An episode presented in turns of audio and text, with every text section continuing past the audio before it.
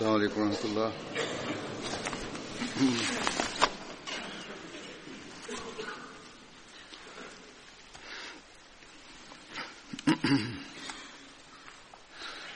أشهد أن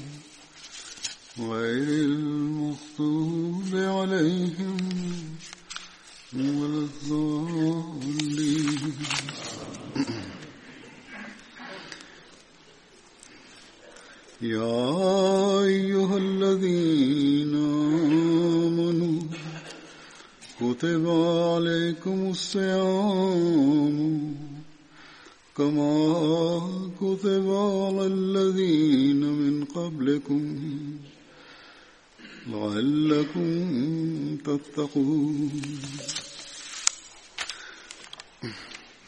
أيام معدودات فمن كان منكم مريضا ولا سفر فعدة من أيام أخر. وعلى الذين يطيقونه فدية طعام مسكين.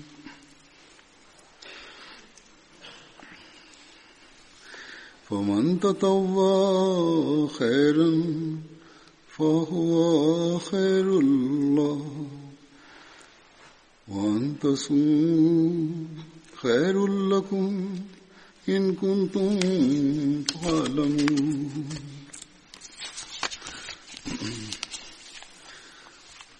شهر رمضان الذي أنزل فيه القرآن هدى للناس وبينات من الهدى والفرقان.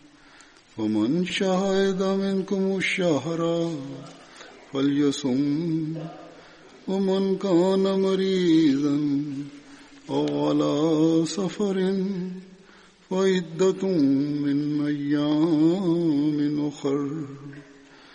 يريد الله بكم اليسر ولا يريد بكم العسر. ولا يريد بكم العسر ولتكملوا العدة ولتكبروا الله على ما هداكم ولعلكم تشكرون.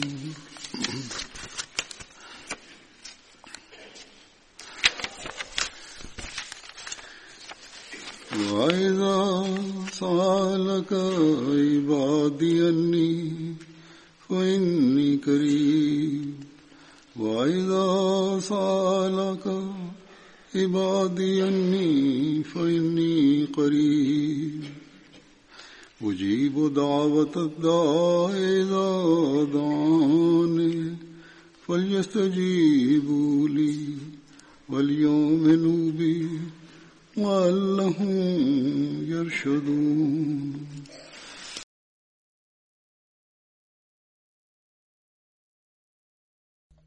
يترجم حضرته الآيات السابقة التي تليت إلى اللغة الأردية.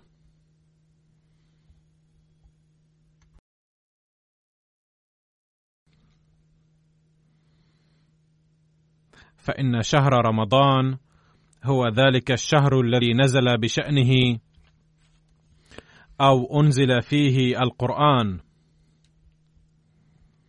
ذلك القرآن الذي أنزل لهداية الناس جميعا والذي يشتمل على أدلة بينة ترشد إلى الهدى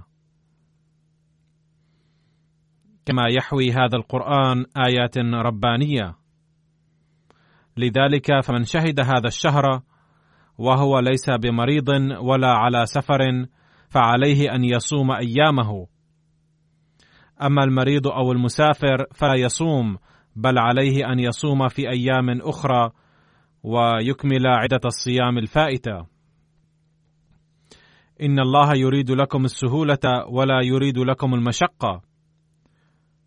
وقد أمركم بهذا لكي لا تقعوا في المشقة، ولكي تكملوا عدة الصيام الفائت، ولكي تكبروا الله على أنه هداكم، ولكي تكونوا عباده الشاكرين.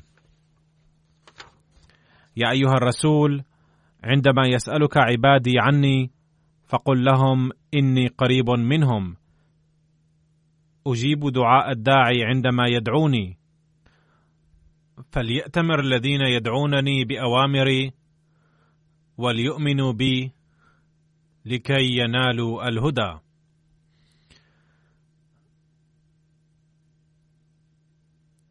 لقد بين الله تعالى في هذه الآيات أهمية وفرضية الصيام. ومسؤوليات المؤمنين في هذا الشهر. وطرق استجابة الدعاء. لقد حدد الله لصيامنا شهرا يقترب الله فيه من العباد. ويصفد فيه الشيطان. فما دام الله تعالى يفتح على عباده أبواب رحمته وفضله إلى هذه الدرجة فكم بالحري بنا أن نستجيب لأمر الله تعالى ونسعى جاهدين لنصوم حق الصيام. قال النبي صلى الله عليه وسلم ذات مرة لو عرفتم ما في رمضان من فضل حق المعرفة وكم وكيف ينعم الله عليكم في هذا الشهر؟ لتمنيتم أن يكون العام كله رمضان. لكي تستمتعوا بافضال الله تعالى طوال العام. فالحق أن الله تعالى إنما فرض علينا الصيام لفائدتنا نحن. وبوسعنا أن نجلب في الصيام كل نوع من المنافع الجسدية والروحانية. أما الآن فقد بدأ الأطباء غير المسلمين يعترفون بفوائد الصوم. في الماضي كان عددهم قليلا جدا. أما اليوم فعددهم قد ازداد حيث يقولون إن الصوم يترك اثرا ايجابيا على صحة الإنسان. بل لقد بدأ بعض غير المسلمين أيضا يكتبون بأن الصيام يعلم المراه الانضباط والنظام. وسواء اعترف أهل الدنيا هؤلاء بهذه الحقيقة أم لا إلا أن المؤمن الحقيقي يعرف بخبرته أن الصيام إذا كان يحسن صحة الإنسان فإنه يساعده على ترقية روحانيته أكثر مما يجلب له من منفعة صحية. فينبغي لنا أن نعمل بحكم الله هذا ساعين كل السعي للانتفاع من شهر رمضان من أجل رقينا الروحاني. إن الأمور التي بينها الله تعالى في هذه الآيات هي أن الصيام فرض على كل مؤمن ومسلم حقيقي.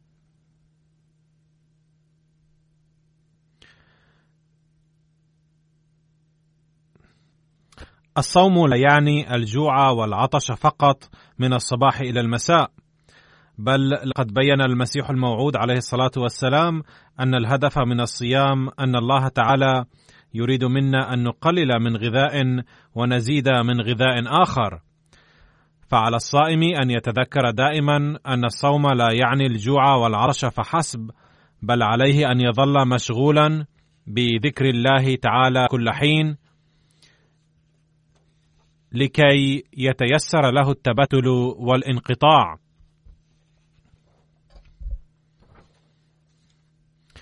أي أن يزداد في التعلق بالله وفي عبادة الله وذكره ويقلل من اهتمامه بالدنيا. إن مشاغل الدنيا لا تنتهي ولا تتوقف. لذا على المرء عند قيامه بأمور الدنيا أن يذكر الله دوما وأن يجعل أحكام الله نصب عينيه دوما ولا يبرح يذكر الله كل حين. يقول عليه السلام إنما المراد من الصيام أن يقلل المرء من الخبز الذي ينمي ويقوي الجسم ويحصل على الخبز الآخر الذي يروي غليل روحه ويشبعها. إن الذين يصومون خالصة لوجه الله تعالى ولا يصومون تقليدا فعليهم أن يظلوا مشغولين بتحميد الله وتسبيحه وتهليله كل حين. وقد قال النبي صلى الله عليه وسلم أيضا أنا ليس لله حاجة في أن تدعوا طعامكم وشرابكم فقط. قال الله تعالى في الآية الأولى لقد فرض عليكم الصيام لكي تتحلوا بالتقوى.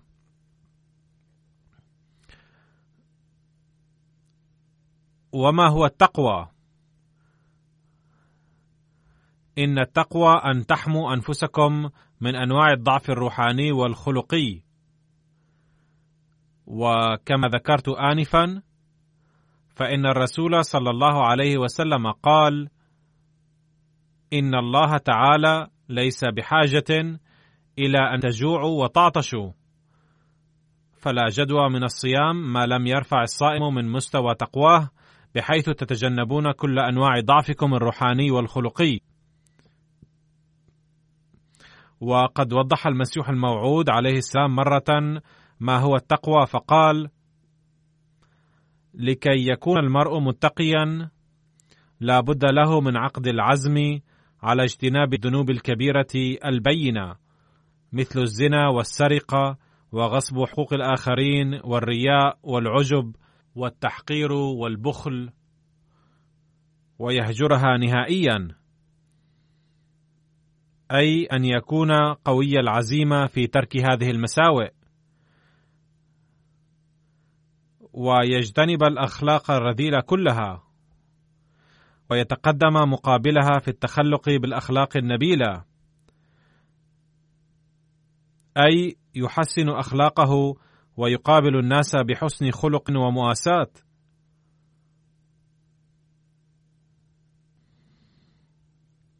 ويكون صادقا في وفائه مع الله سبحانه وتعالى. ويبحث عن المقام المحمود في الخدمات.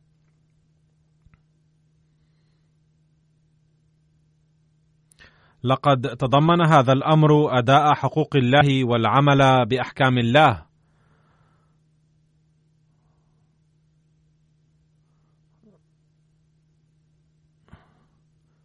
وحسن معاشرة الناس واسداء الخدمات لهم.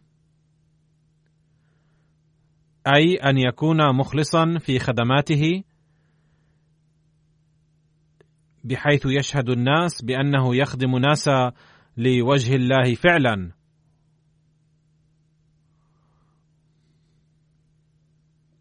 وليس لمصلحة شخصية. فيقول المسيح الموعود عليه السلام بالتحلي بهذه الأمور يسمى المرء متقيا. وإن الذين يجمعون في أنفسهم هذه الخصال كلها هم المتقون حقا. أي إذا كان المرء متصفا ببعض هذه الأخلاق فلا يسمى متقيا. إنما يسمى متقيا إذا كان جامعا لهذه الأخلاق الفاضلة كلها. وفي حق مثل هؤلاء الناس قال الله تعالى لا خوف عليهم ولا هم يحزنون أي هذا هو الضمان الذي يؤتيهم الله فما الذي يريدونه بعد هذا الضمان؟ إذ يكون الله سبحانه وتعالى وليا لأمثال هؤلاء كما قال وهو يتولى الصالحين.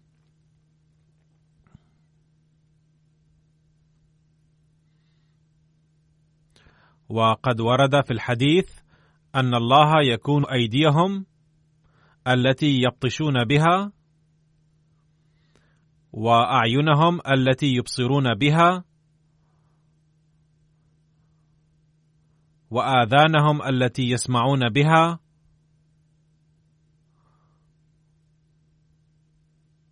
وأرجلهم التي يمشون بها. وورد في حديث آخر من عاد لي وليا فقد آذنته بالحرب.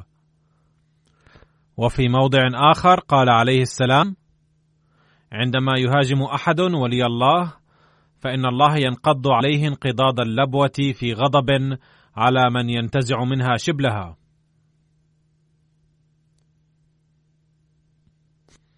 فعندما يبلغ المسلم والمؤمن الحقيقي هذا المستوى من التقوى صائما كما هو حق الصيام عندها يجعله الصيام وراء جنة الله وستره. وعن أبي هريرة قال قال رسول الله صلى الله عليه وسلم قال الله تعالى كل عمل ابن آدم فهو له إلا الصيام فإنه لي وأنا أجزي به. أي أن المؤمن الحقيقي يصوم لي ومن صام لي فأنا أجزيه به أو أكون جزاءه فأعطيه ما أشاء من الجزاء. ثم يقول الرسول صلى الله عليه وسلم بعد ذلك والصيام جنة.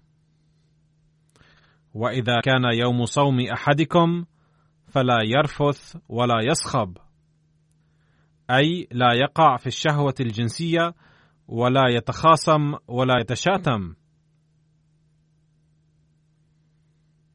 فإن سابه أحد أو قاتله فليقل إني امرؤ صائم.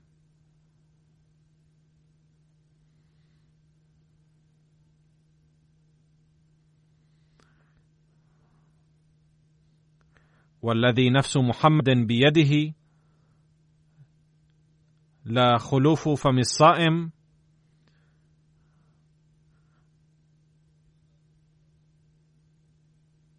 أي الرائحة الكريهة التي تخرج من فم الصائم.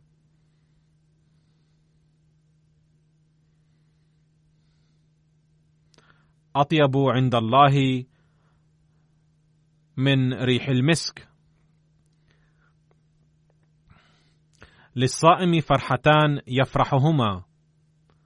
إذا أفطر فرح وإذا لقي ربه فرح بصومه.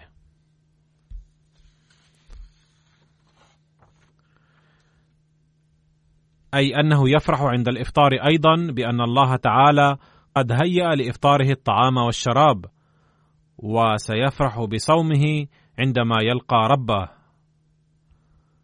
لأن الله تعالى قد قال أنه سيكون جزاءه أو أنه سيجزيه خصيصا. والصائم الذي يصوم لوجه الله تعالى إذا جزاه الله في الآخرة بغير حساب وحدود فلا شك أن فرحته ستبلغ الذروة. فهذا هو معيار التقوى الذي يجب أن يطمح لبلوغه من يصوم حقا. والواقع أن الذي يصوم حقيقة يبلغ هذا المعيار فعلا. أعني من يصوم خالصة لوجه الله تعالى منزها من كل أنواع اللوثة الدنيوية وقاضيا يومه متجنبا كل صنوف الضعف الروحاني والخلقي وغير فرح بأنه صائم في الظاهر فقط. فكم من صائم في الدنيا يصوم في الظاهر ولكنه لا يبلغ في صلاته المستوى المنشود ولا يبلغ في أخلاقه المعيار المطلوب. لقد قال الرسول صلى الله عليه وسلم أن الشيطان يصفد في رمضان. ومع ذلك يستمر الناس في ارتكاب المساوئ في شهر رمضان. فكيف هذا يا ترى؟ والجواب أن الصيام يكون جنة ويحمي من هجمات الشيطان من يتحلى بالتقوى مدركا حقيقة الصيام. فهذه الغاية المنشودة من الصيام التي يجب أن نجعلها نصب أعيننا دوما. وإلا فإن الرسول صلى الله عليه وسلم قد بين أنه مما لا شك فيه أن أبواب الجنة تفتح في رمضان وأن أبواب جهنم تقفل فيه وأن الشياطين تصفد في هذا الشهر. إلا أنه أنذر مع ذلك بأن من أدرك رمضان ولم يغفر له فمتى سيغفر له؟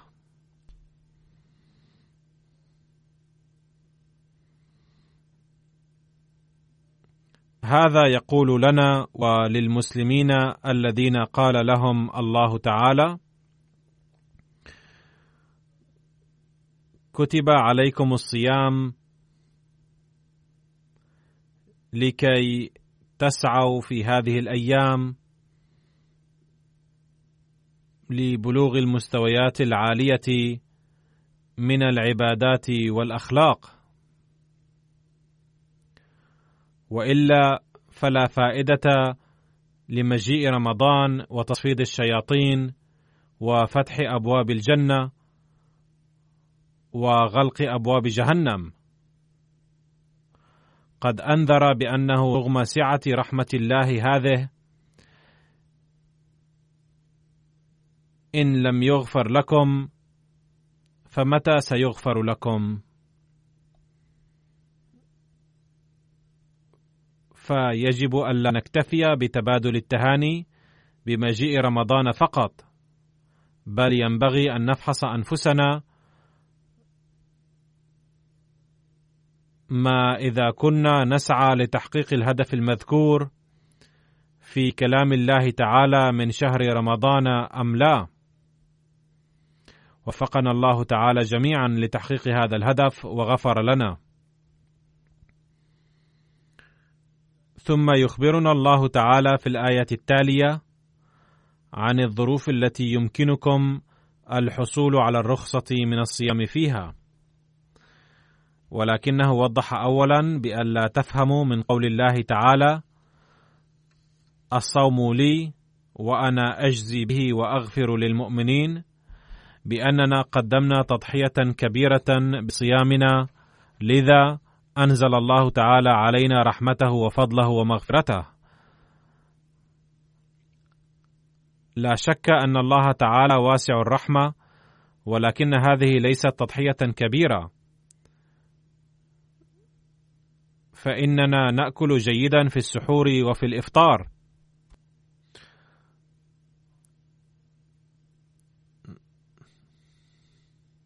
ثم هذه ليست تضحية دائمة بل هي لأيام معدودات في السنة كلها. يفتخر بعض الناس بالصيام ولكن اعلموا أنه ليس تضحية كبيرة حتى تفتخروا بها.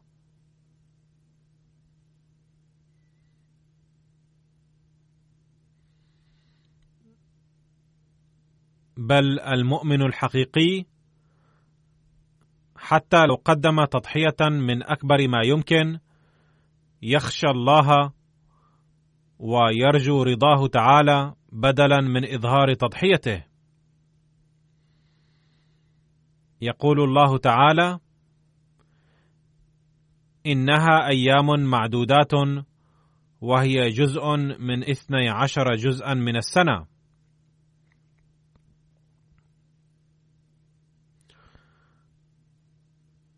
وهذا ليس شيئا كبيرا. ولا يسمى تضحية كبيرة.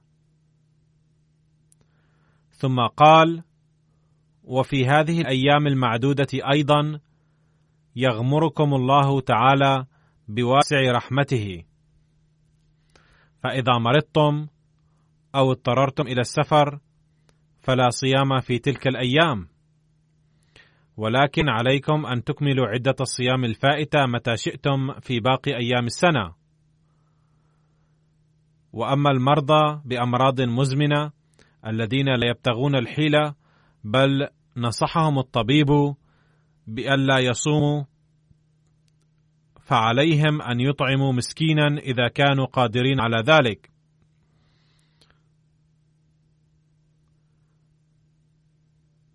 وهذا ضروري في حالة القدرة. إلا إذا كان المريض نفسه فقيرا يعيش على الصدقة والمساعدة المالية. وأما الآخرون فعليهم أن يطعموا مسكينا مما يأكلونه من الطعام. ومن تطوع خيرا فهو خير له. أي أن تقدموا الفدية وتصوموا فيما بعد.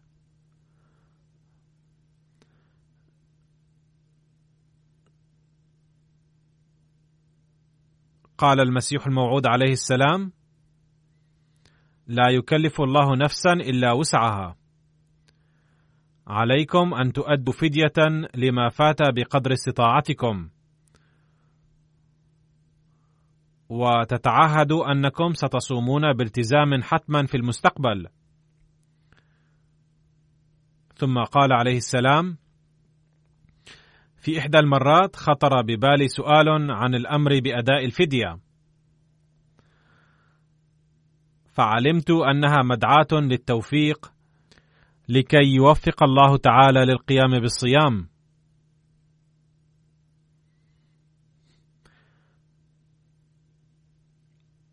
إنه هو القادر القدير على أن يهب للمسلول أيضا قوة على الصيام إذا أراد ذلك.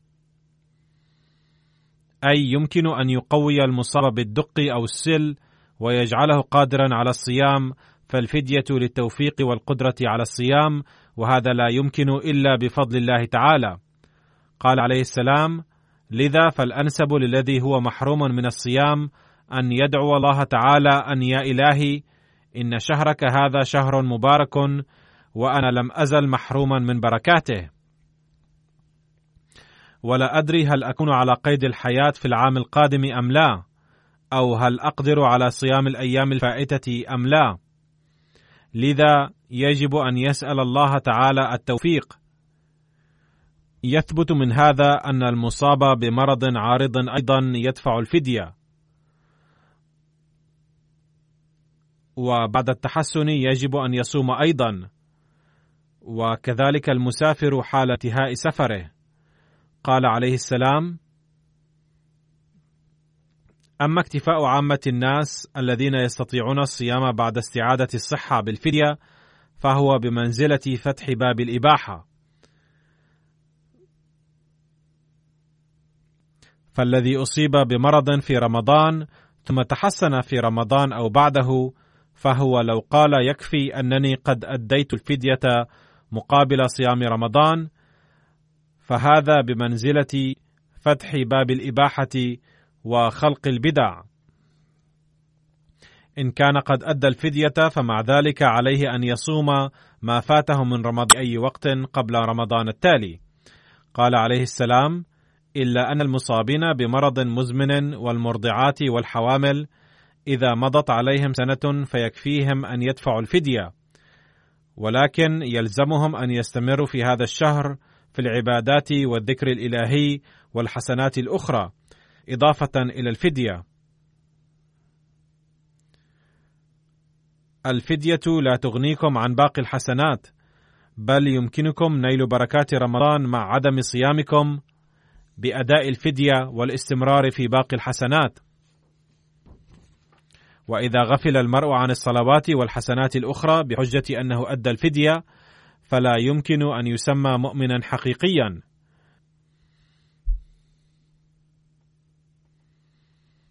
ولا يمكن أن ينال نصيبه من بركات رمضان ثم قال الله تعالى في هذه الآية أن أي حسنة تقومون بها بطاعة كاملة مع أن قلبكم لا يريد القيام بها فإن الله تعالى سيخلق لها نتائج حسنة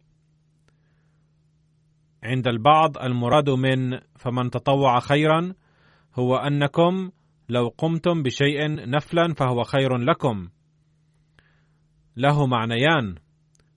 تؤدون الفدية الزائدة أو تطعمون مسكينين بدلا من مسكين واحد أو مع علمه أنه إن لم يستطع الصيام اليوم فسيصوم غدا ثم دفع فدية فهي حسنة زائدة. قال الله تعالى هو خير لكم. لأن الله تعالى يجزي للحسنات سواء كانت طوعا أم كرها. وقال الله تعالى في آخر هذه الآية وأن تصوموا خير لكم.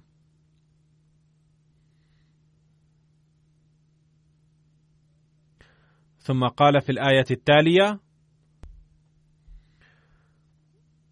نزلنا في هذا الشهر القرآن الذي هو هدى لكم وبينات من الهدى والفرقان. فإن للقرآن صلة خاصة بشهر رمضان ويجب أن نتدبره ونتحرى أحكامه ونعمل بها. إضافة إلى الصيام في هذا الشهر لكي نستطيع أن نستفيد من بركات العمل بأحكام الله تعالى.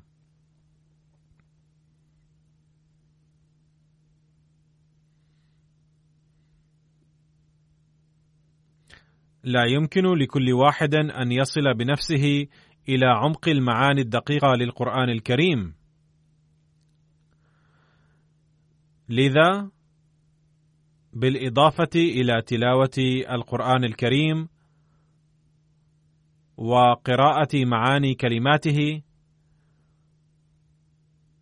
وهذا ما يستطيع كل واحد أن يقوم بنفسه.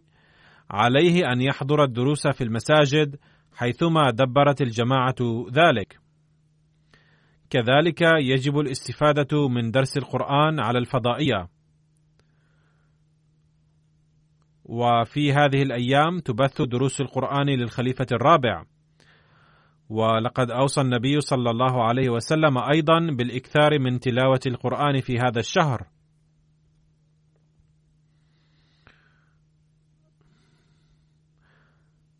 على الأحمدي أن يهتم بتلاوة القرآن الكريم حتى في الأيام العادية. وأما رمضان فلا بد من اهتمام خاص لها فيه. وإلا فلا فائدة من مجرد الصيام. لقد ذكر الله تعالى بوجه خاص نزول القرآن الكريم في هذا الشهر وأكد النبي صلى الله عليه وسلم على ذلك. وإننا لمحظوظون أننا وفقنا للإيمان بالخادم الصادق للرسول صلى الله عليه وسلم الذي أخبرنا بدقائق القرآن الكريم وحقائقه وتفسيره ومعانيه الجديدة وبالإضافة إلى ذلك وجهنا إلى العمل بأحكام القرآن وإعزازه وقراءته والتدبر فيه. وأخبرنا كيف ينبغي أن نتلو القرآن.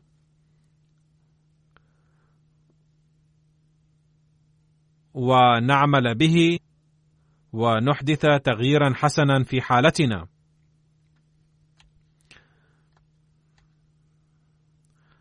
فقال المسيح الموعود عليه السلام في موضع هناك فرق واضح وبين بين العلوم الظاهرية والعلوم القرآنية. التقوى ليست شرطا للعلوم الدنيوية والرسمية وليس ضروريا لدارس الصرف والنحو وعلوم الطبيعة والفلسفة والأفلاك والطب وغيرها أن يكون ملتزما بالصلاة والصوم وبأوامر الله ونواهيه دائما.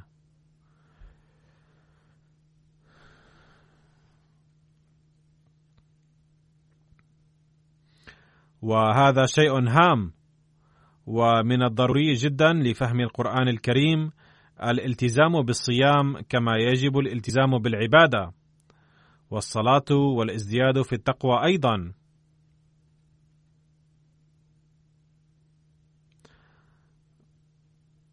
فقال حضرته ليس من الضروري لرجل عادي أن يلتزم بالصلاة والصيام ويكون حريصا كل حين وآن على الاستجابة لأوامر الله تعالى والامتناع عما نهى الله عنه.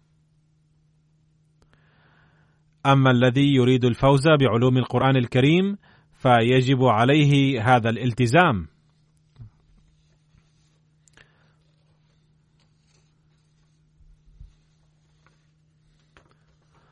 فقال وأن يخضع كل قوله وفعله لحكومة أحكام الله تعالى. بل الملاحظ عادة أن البارعين في العلوم الدنيوية وطلابها يصيرون دهريين ويتورطون في أنواع الفسق والفجور. وهناك مثال واضح موجود أمام العالم اليوم وهو مثال الأوروبيين والأمريكان. إذ قد تقدموا كثيرا في العلوم الدنيوية. ويخترعون شتى المخترعات الجديدة كل يوم.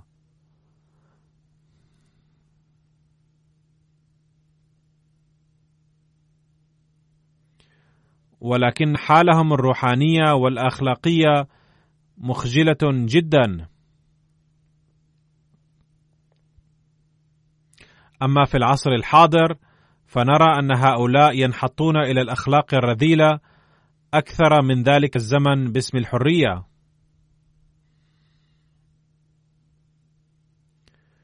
إن أحوال متنزهات لندن وفنادق باريس المنتشرة لا نستطيع حتى ذكرها.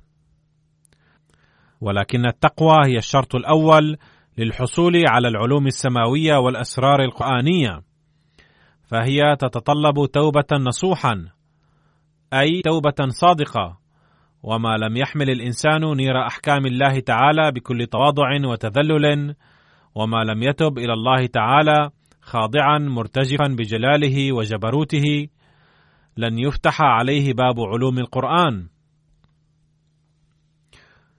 ولن ينال من القرآن الكريم أسباب تربية خواص الروح وقواها التي بنيلها تجد الروح اللذة والطمأنينة. اذا إن فهم علوم القرآن الكريم يستلزم التقوى. فقال حضرته إن القرآن الكريم كتاب الله وعلومه بيد الله والتقوى هو بمنزلة السلم إليها. أي إذا استخدمتم سلم التقوى ارتقيتم إلى علوم القرآن الكريم.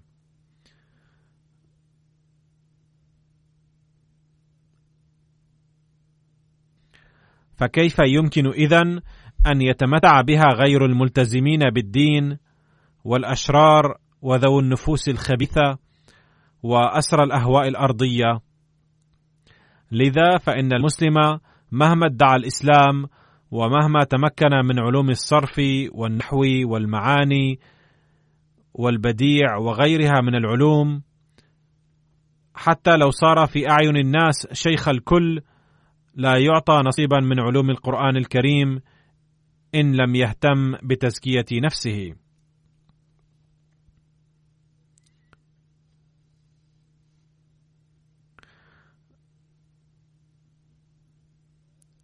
أرى أن انتباه العالم مركز حاليا على العلوم الدنيوية. وقد أذهل التنوير الغربي العالم كله باكتشافاته ومخترعاته ومبتكراته الحديثة.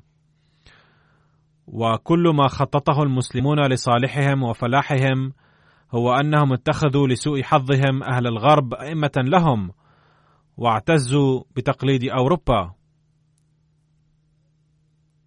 واعتبروا التقدم المادي كل شيء. هذه هي حال المسلمين المتأثرين بالتنوير الحديث. أما الذين يسمون مسلمين تقليديين ويعدون أنفسهم حماة الدين المتين فإن ملخص تحصيلهم الممتد على مدى حياتهم ومغزاه هو أنهم متخبطون في خصومات الصرف والنحو ومعضلاته فقط. ويهتمون بالنطق السليم لقول الله ضالين أي يشتبكون في قواعد اللغة وعلوم النحو وأنه كيف يجب لفظ كلمة عربية معينة. ولا يهتمون بالقرآن الكريم قط وأن لهم ذلك وهم لا يهتمون بتزكية النفس. اذا يقول حضرته يجب على الأحمديين ألا يكتفوا بنيل العلوم المادية فقط بل يجب أن يسعوا للفوز بعلوم القرآن الكريم أيضا. سأل أحد الإخوة كيف يجب تلاوة القرآن؟ فقال عليه السلام يجب أن تتلو القرآن الكريم بالتدبر والتفكر وإمعان النظر. ورد في الحديث الشريف رب قارئ للقرآن والقرآن يلعنه. أي هناك كثير ممن يقرؤون القرآن ولكن القرآن يلعنهم. إن الذي يقرأ القرآن ولا يعمل به يلعنه القرآن. وإذا مر المرء أثناء تلاوة القرآن بآية رحمة فعليه أن يسأل الله رحمته. وإذا مر بآية تذكر نزول عذاب على قوم فعليه أن يستعيذ بالله من عذابه. وينبغي تلاوة القرآن بالتدبر والإمعان ويجب العمل به. فهذا هو أسلوب قراءة القرآن الكريم. في هذه الأيام حيث نشأ لدينا الاهتمام بقراءة القرآن الكريم فيجب أن نقرأه بهذا التفكير والأسلوب. ثم يقول حضرته عليه السلام فكونوا حذرين ولا تخطوا خطوة واحدة خلاف تعليم الله وهدي القرآن. الحق والحق أقول لكم إن الذي يعرض عن أصغر حكم من أحكام القرآن السبعمائة فإنه بيده يسد على نفسه باب النجاة. إن القرآن هو الذي قد فتح سبل النجاة الحقيقية والكاملة. أما ما سواه فليس إلا ظلا له. لذلك فاقرأوا القرآن بتدبر وأحبوه حبا جما حبا ما أحببتموه أحدا لأن الله تعالى قد خاطبني وقال: الخير كله في القرآن وإن هذا لهو الحق. فهو أسفا على الذين يقدمون على القرآن الكريم غيره. إن مصدر فلاحكم ونجاتكم كله في القرآن. ما من حاجة من حاجاتكم الدينية إلا وتوجد في القرآن. إن القرآن لهو المصدق أو المكذب لإيمانكم يوم القيامة. لا كتاب سوى القرآن تحت أديم السماء. يمكن أن يهديكم بلا واسطة القرآن. أي إذا اتخذتم القرآن واسطة اهتديتم. لقد من الله عليكم منة عظيمة إذ أعطاكم كتابا مثل القرآن. أقول لكم صدقا وحقا إن الكتاب الذي يتلى عليكم لو تلي على النصارى لما هلكوا. وإن هذه النعمة والهداية التي أوتيتموها لو أوتيها اليهود مكان التوراة لما كفرت بعض فرقهم بيوم القيامة. فاقدروا هذه النعمة التي أوتيتموها.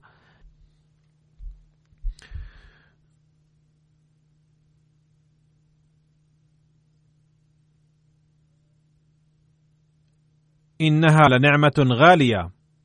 إنها لثروة عظيمة. لو لم ياتي القرآن لكانت الدنيا كلها كمضغة قذرة. إن القرآن كتاب لا تساوي جميع الهدايات الأخرى إزاءه شيئا. اذا ثمة حاجة ماسة إلى أن نقرأ القرآن الكريم ونفهمه ونعمل بإرشاداته بصفة خاصة. في رمضان يلتفت الكثير إلى ذلك فعليهم أن يداوموا عليه طول الحياة. فحين لفت الله تعالى أنظار المؤمنين إلى تلاوة القرآن الكريم في رمضان بوجه خاص فإنما لأننا إذا اهتممنا بالقرآن الكريم في شهر المجاهدة هذا فسوف نتعود على قراءته في أيام عادية أيضا. وإلا لن يتحقق هدف الله من لفت الأنظار إلى تلاوة القرآن الكريم في رمضان.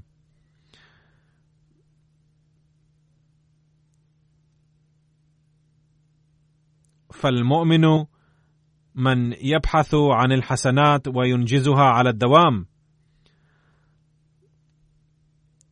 فهذه الهداية العظيمة التي أوصلها الله إلينا عن طريق النبي صلى الله عليه وسلم وعلينا أن نسعى جاهدين لنتخذه وسيلة هدانا. وفي الآية التالية وضح أكثر وأرشد إلى ضرورة الالتزام بالصيام وأنه يجب على المريض والمسافر أن يقضي ما فاتهما من الصيام في رمضان. فمجرد دفع الفدية لا يغنيكم عن الصيام نهائيا. وأن الله حين رخص لكم بأن لا تصوموا في المرض والسفر فهي منته عليكم. لأنه تعالى لا يريد بعباده العسر. ثم قال يجب أن تقضوا أيام الصيام في تكبير الله وذكره والعبادة بوجه خاص. وتشكر الله تعالى على أنه أعطاكم لهدايتكم كتابا عظيما شاملا هو هداية كاملة. ولا يؤدى حق الشكر إلا بالعمل به.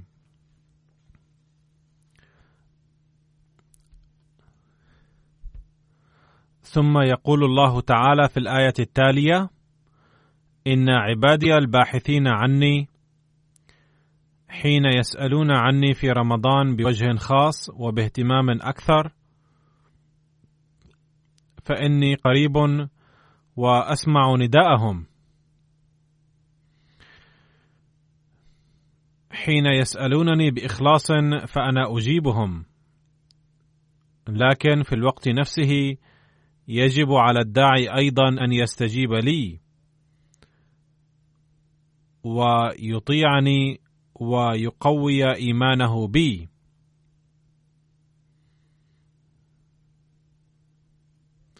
أما الشكوى بأننا دعونا الله كثيرا ولم يسمع لنا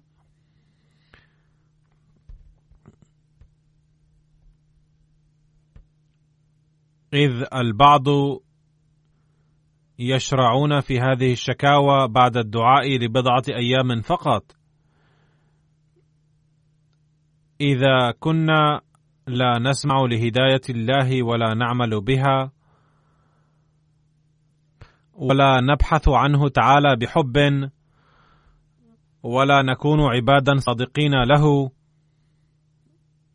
وإنما ندعوه عند طرء المشاكل أو الإصابة ثم ننساه فكيف يجوز لنا الشكوى بأن الله تعالى لم يسمع لدعائنا؟ علينا أن نصلح أنفسنا اولا. والإصلاح وجذب فضل الله يتطلب الدعاء. فلا بد من الدعاء. وسيهيئ لسكينتنا وطمأنينتنا الوسائل أيضا والكيفية لتقبل الدعاء. فمثلا إذا حصل للمرء سكينة قلبية فهذا أيضا نوع القبول. فسيقبل الله تعالى أدعيتنا أيضا كما يقبل من عباده المخلصين والمحبين له. فالمبادرة بهذا الشأن يجب أن تكون منا في شهر رمضان.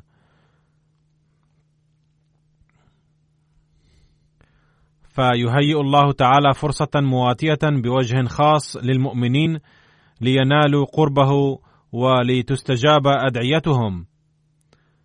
لذا علينا أن نسعى في هذا الشهر سعيا خاصا وإلا لن يكون لنا حق في الشكوى بأن الله تعالى لا يقبل أدعيتنا. لقد أرشدنا المسيح الموعود عليه السلام لجعل حالنا وكيفياتنا جديرة باستجابة الدعاء فقال الحق أن الذي لا يعمل فهو لا يدعو بل يمتحن الله. لذا يجب على المرء أن يبذل جل قواه قبل الدعاء وهذا هو معنى الدعاء. ثم يقول عليه السلام لا تظنوا أننا ندعو كل يوم وأن الصلاة التي نصليها إنما هي الدعاء. لا شك أن الصلاة أيضا دعاء ولكن لا بد من أن تنشأ فينا كيفية خاصة لأنها هي الهدف الحقيقي من الدعاء. ذلك لأن الدعاء الذي ينبع نتيجة المعرفة الحقيقية ونتيجة فضل الله تعالى يتميز بصبغة خاصة وكيفية مختلفة تماما. إن ذلك الدعاء قادر على الإفناء. إنه نار تذيب القلب. إنه قوة مغناطيسية تجذب رحمة الله. إنه موت يهب الحياة في نهاية المطاف. إنه لسيل عارم إلا أنه يتحول إلى السفينة في النهاية. وبه ينصلح كل أمر قد فسد. وبفضله يتحول كل سم إلى الترياق في آخر الأمر. اذا إن الدعاء الحقيقي يري تأثيره على هذا النحو. ثم يقول عليه السلام طوبى للسجناء الذين يدعون ولا يملون لأنهم سينالون الحرية في يوم من الأيام وطوبى للعميان الذين لا يتوانون في الدعاء لأنهم سيبصرون في آخر الأمر.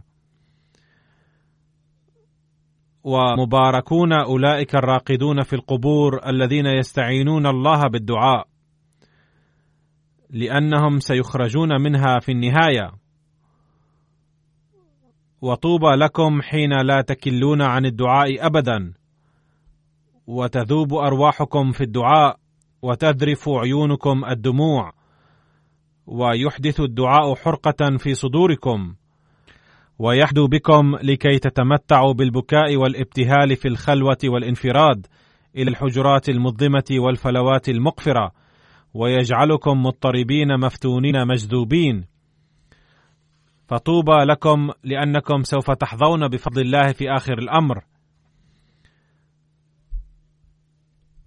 إن الإله الذي ندعو الناس إليه إله كريم رحيم حيي صادق وفي يرحم المتواضعين. فكونوا من أصحاب الوفاء وادعوا بكامل الصدق والوفاء لعلكم ترحمون. ابتعدوا عن الدنيا وضجيجها ولا تعطوا لخصوماتكم الدنيوية صبغة دينية. سوف يري الله تعالى معجزات للذين يدعون وسيعطى الطالبون نعمة عظمى. الدعاء من الله يأتي وإليه يرجع بسبب الدعاء يقترب الله تعالى منكم كقربكم من أنفسكم. إن النعمة الأولى للدعاء هي أنه يحدث تغييرا حسنا في الإنسان. الدعاء اكسير يحول حفنة من التراب تبرا وإنه ماء يغسل الأدران الباطنية وإنه ابتهال تذوب معه الروح وتسيل مثل الماء وتخر على عتبة حضرة الأحدية. فهي تقوم في حضرة الله وتركع وتسجد أيضا. وصورة ذلك تلك الصلاة التي علمها الإسلام. والمراد من قيام الروح هو أنها تكون مستعدة لتحمل الصعاب والانصياع لكل أمر في سبيل الله.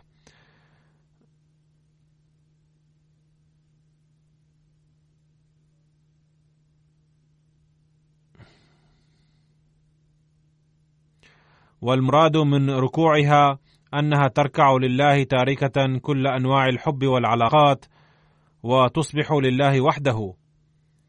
والمراد من سجودها أنها تخر على عتبات الله وتتخلى عن إرادتها كليا وتمحو وجودها تماما. هذه الصلاة توصل صاحبها إلى الله. وقد صورها الشرع الإسلامي في الصلاة لتتحرك صلاة الجسد إلى صلاة الروح.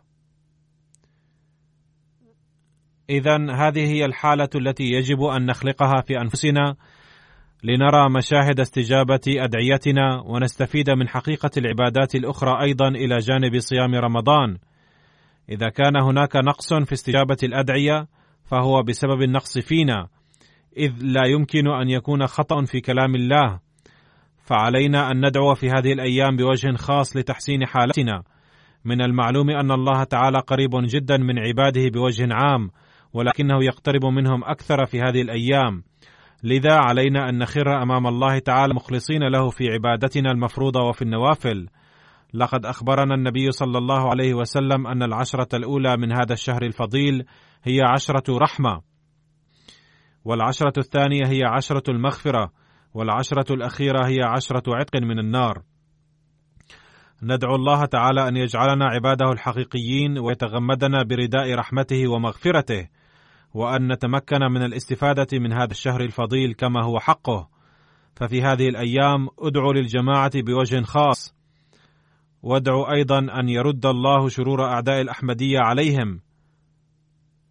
يرد الله تعالى المكايد والمكر على أصحابها وحيثما تحاك المكايد والمكر ضد الجماعة. وادعوا للأمة المسلمة أيضا أن يكف الله أيديهم عن الظلم وقطع رقاب بعضهم بعضا. ويجعلهم مسلمين حقيقيين ويوفقهم لمعرفة إمام الزمان. وادعوا للظروف السائدة في العالم بوجه عام لأنها تقود بسرعة هائلة إلى دمار كبير. ندعو الله تعالى أن يهب العالم عقلا وفطنة ليعرفوا الله تعالى فيجتنبوا هذا الدمار. بعد الصلاة سأصلي صلاة الجنازة على المرحومين اللذين استشهدا قبل شهرين تقريبا. ولكن لم تصلني بياناتهما إلا الآن. أولهما هو الدكتور طاهر عزيز أحمد ابن السيد أرشد الله بهتي من إسلام أباد بباكستان. والجنازة الثانية هي للدكتور افتخار أحمد ابن المرحوم الدكتور خواجة نذير أحمد من أمريكا. لقد ذهب الشهيدان إلى بلدة فتح جينغ لفحص الأمور المتعلقة بأراضيهما الكائنة بالقرب من البلدة المذكورة. فقام أحد العاملين في أراضي الدكتور افتخار أحمد بتدبير اختطافهما بتاريخ الثالث عشر آذار ثم قتلا فيما بعد دون رحمة. إنا لله وإنا إليه راجعون.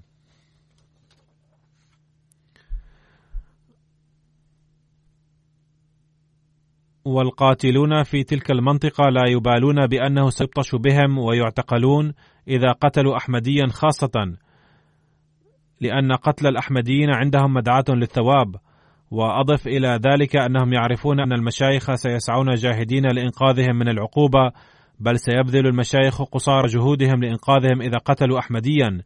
لذا فإن عنصر الأحمدية أيضا موجودا إلى حد ما في قتلهما فيمكننا أن نعد قتلهما شهادة. ولد دكتور طاهر عزيز أحمد في 27 نوفمبر 1967 في قرية ميتا توانا. ودخلت الأحمدية إلى عائلته بواسطة والد جده المولوي نور أحمد رضي الله عنه الساكن في قرية لدهي ننجل محافظة جورداسبور لقد رفض المولوي نور أحمد رضي الله عنه أن يوقع على فتوى التكفير التي جهزها المولوي محمد حسين البطالوي ضد المسيح الموعود عليه السلام. وكتب إلى المولوي محمد حسين بهذا الشأن رسالة وهي منشورة في العدد الأول من جريدة الحكم في العاشر من أكتوبر 1897 ودعا المسيح الموعود المولوية الله دتا والد المولوي نور أحمد إلى قاديان لتعليم ولديه مرزا سلطان أحمد ومرزا فضل أحمد وهذا أيضا مذكور في تاريخ الأحمدية المجلد الأول. بعد امتحان الثانوية نال المرحوم شهادة DHMS في طب الهوميوباثي من كلية العلاج بالمثل في إسلام أباد بباكستان ثم بدأ بممارسة العلاج بالمثل في بلدة جتة بختاور إسلام أباد. كان طبيبا محببا عند الجميع وكان خلوقا ومتواضعا جدا ومواسيا للجميع ويتحلى بطبيعة نزيهة جدا. وقد مارس مهنته إلى مدة من الزمن وكان بيته يستعمل كمركز للصلاة كان على علاقة حب كبير مع الخلافة وقدم مئات من غير الأحمديين رجالا ونساء العزاء عند وفاته واعتبروا وفاته خسارة قومية. ترك المرحوم وراءه أرملة وابنتين وابنا. ابنه يسكن هنا في لندن وهو صهر السيد رانا خالد أحمد داعية الجماعة. كان المرحوم أخا أصغر لسيد فضيل عياض أحمد داعية الجماعة الذي خدم في MTA من قبل والآن يخدم في الجامعة الأحمدية في ربوة.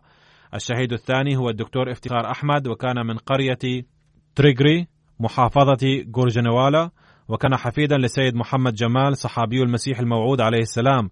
وقد دخلت الأحمدية إلى عائلته بواسطة جده خواجة جلال الدين في عهد الخليفة الثاني رضي الله عنه. وفق والد المرحوم السيد خواجة نذير أحمد لتدريس الكيمياء في كلية تعليم الإسلام في ربوة. لقد نال المرحوم شهادة MBBS من كلية King Edward Medical College بلاهور ثم وفق للخدمة قرابة ثلاث سنين في المشفى الأحمدي في مدينة كانو في نيجيريا. ثم سافر إلى أمريكا بعد ثلاث سنين ونال هناك شهادة MD وعاد إلى باكستان ليمكث فيها إلى 15 عاما. ثم انتقل إلى أمريكا مرة أخرى واجتاز امتحانه في كاليفورنيا وبدأ العمل هناك. ثم عاد إلى باكستان لرعاية بناته. كان المرحوم يهتم بالفقراء كثيرا ويتحلى بعاطفة خدمة الخلق كثيرا. وكان سباقا في التضحيات المالية وكان إنسانا مخلصا جدا. ترك وراءه أرملة وثلاث بنات. ندعو الله تعالى أن يرحم المرحومين ويغفر لهما ويوفق أولادهما أيضا بالإعتصام بالجماعة والخلافة.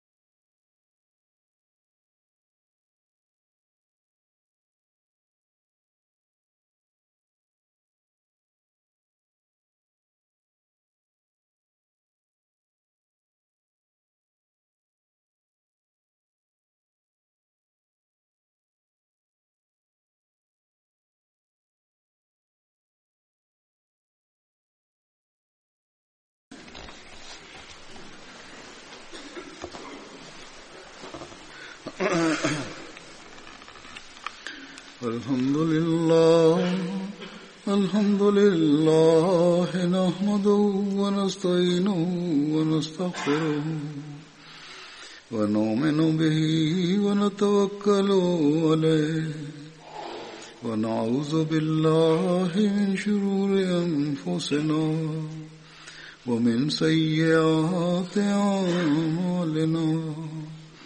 من يهده الله فلا مضل له ومن يضلل فلا هادي له. ونشهد أن لا إله إلا الله ونشهد أن محمدا عبده ورسوله. عباد الله رحمكم الله. إن الله يأمر بالعدل واللسان وإيتاء ذي القربى وينهى عن الفحشاء والمنكر والبغي يعظكم لعلكم تذكرون اذكروا الله يذكركم وادعوه يستجب لكم ولذكر الله أكبر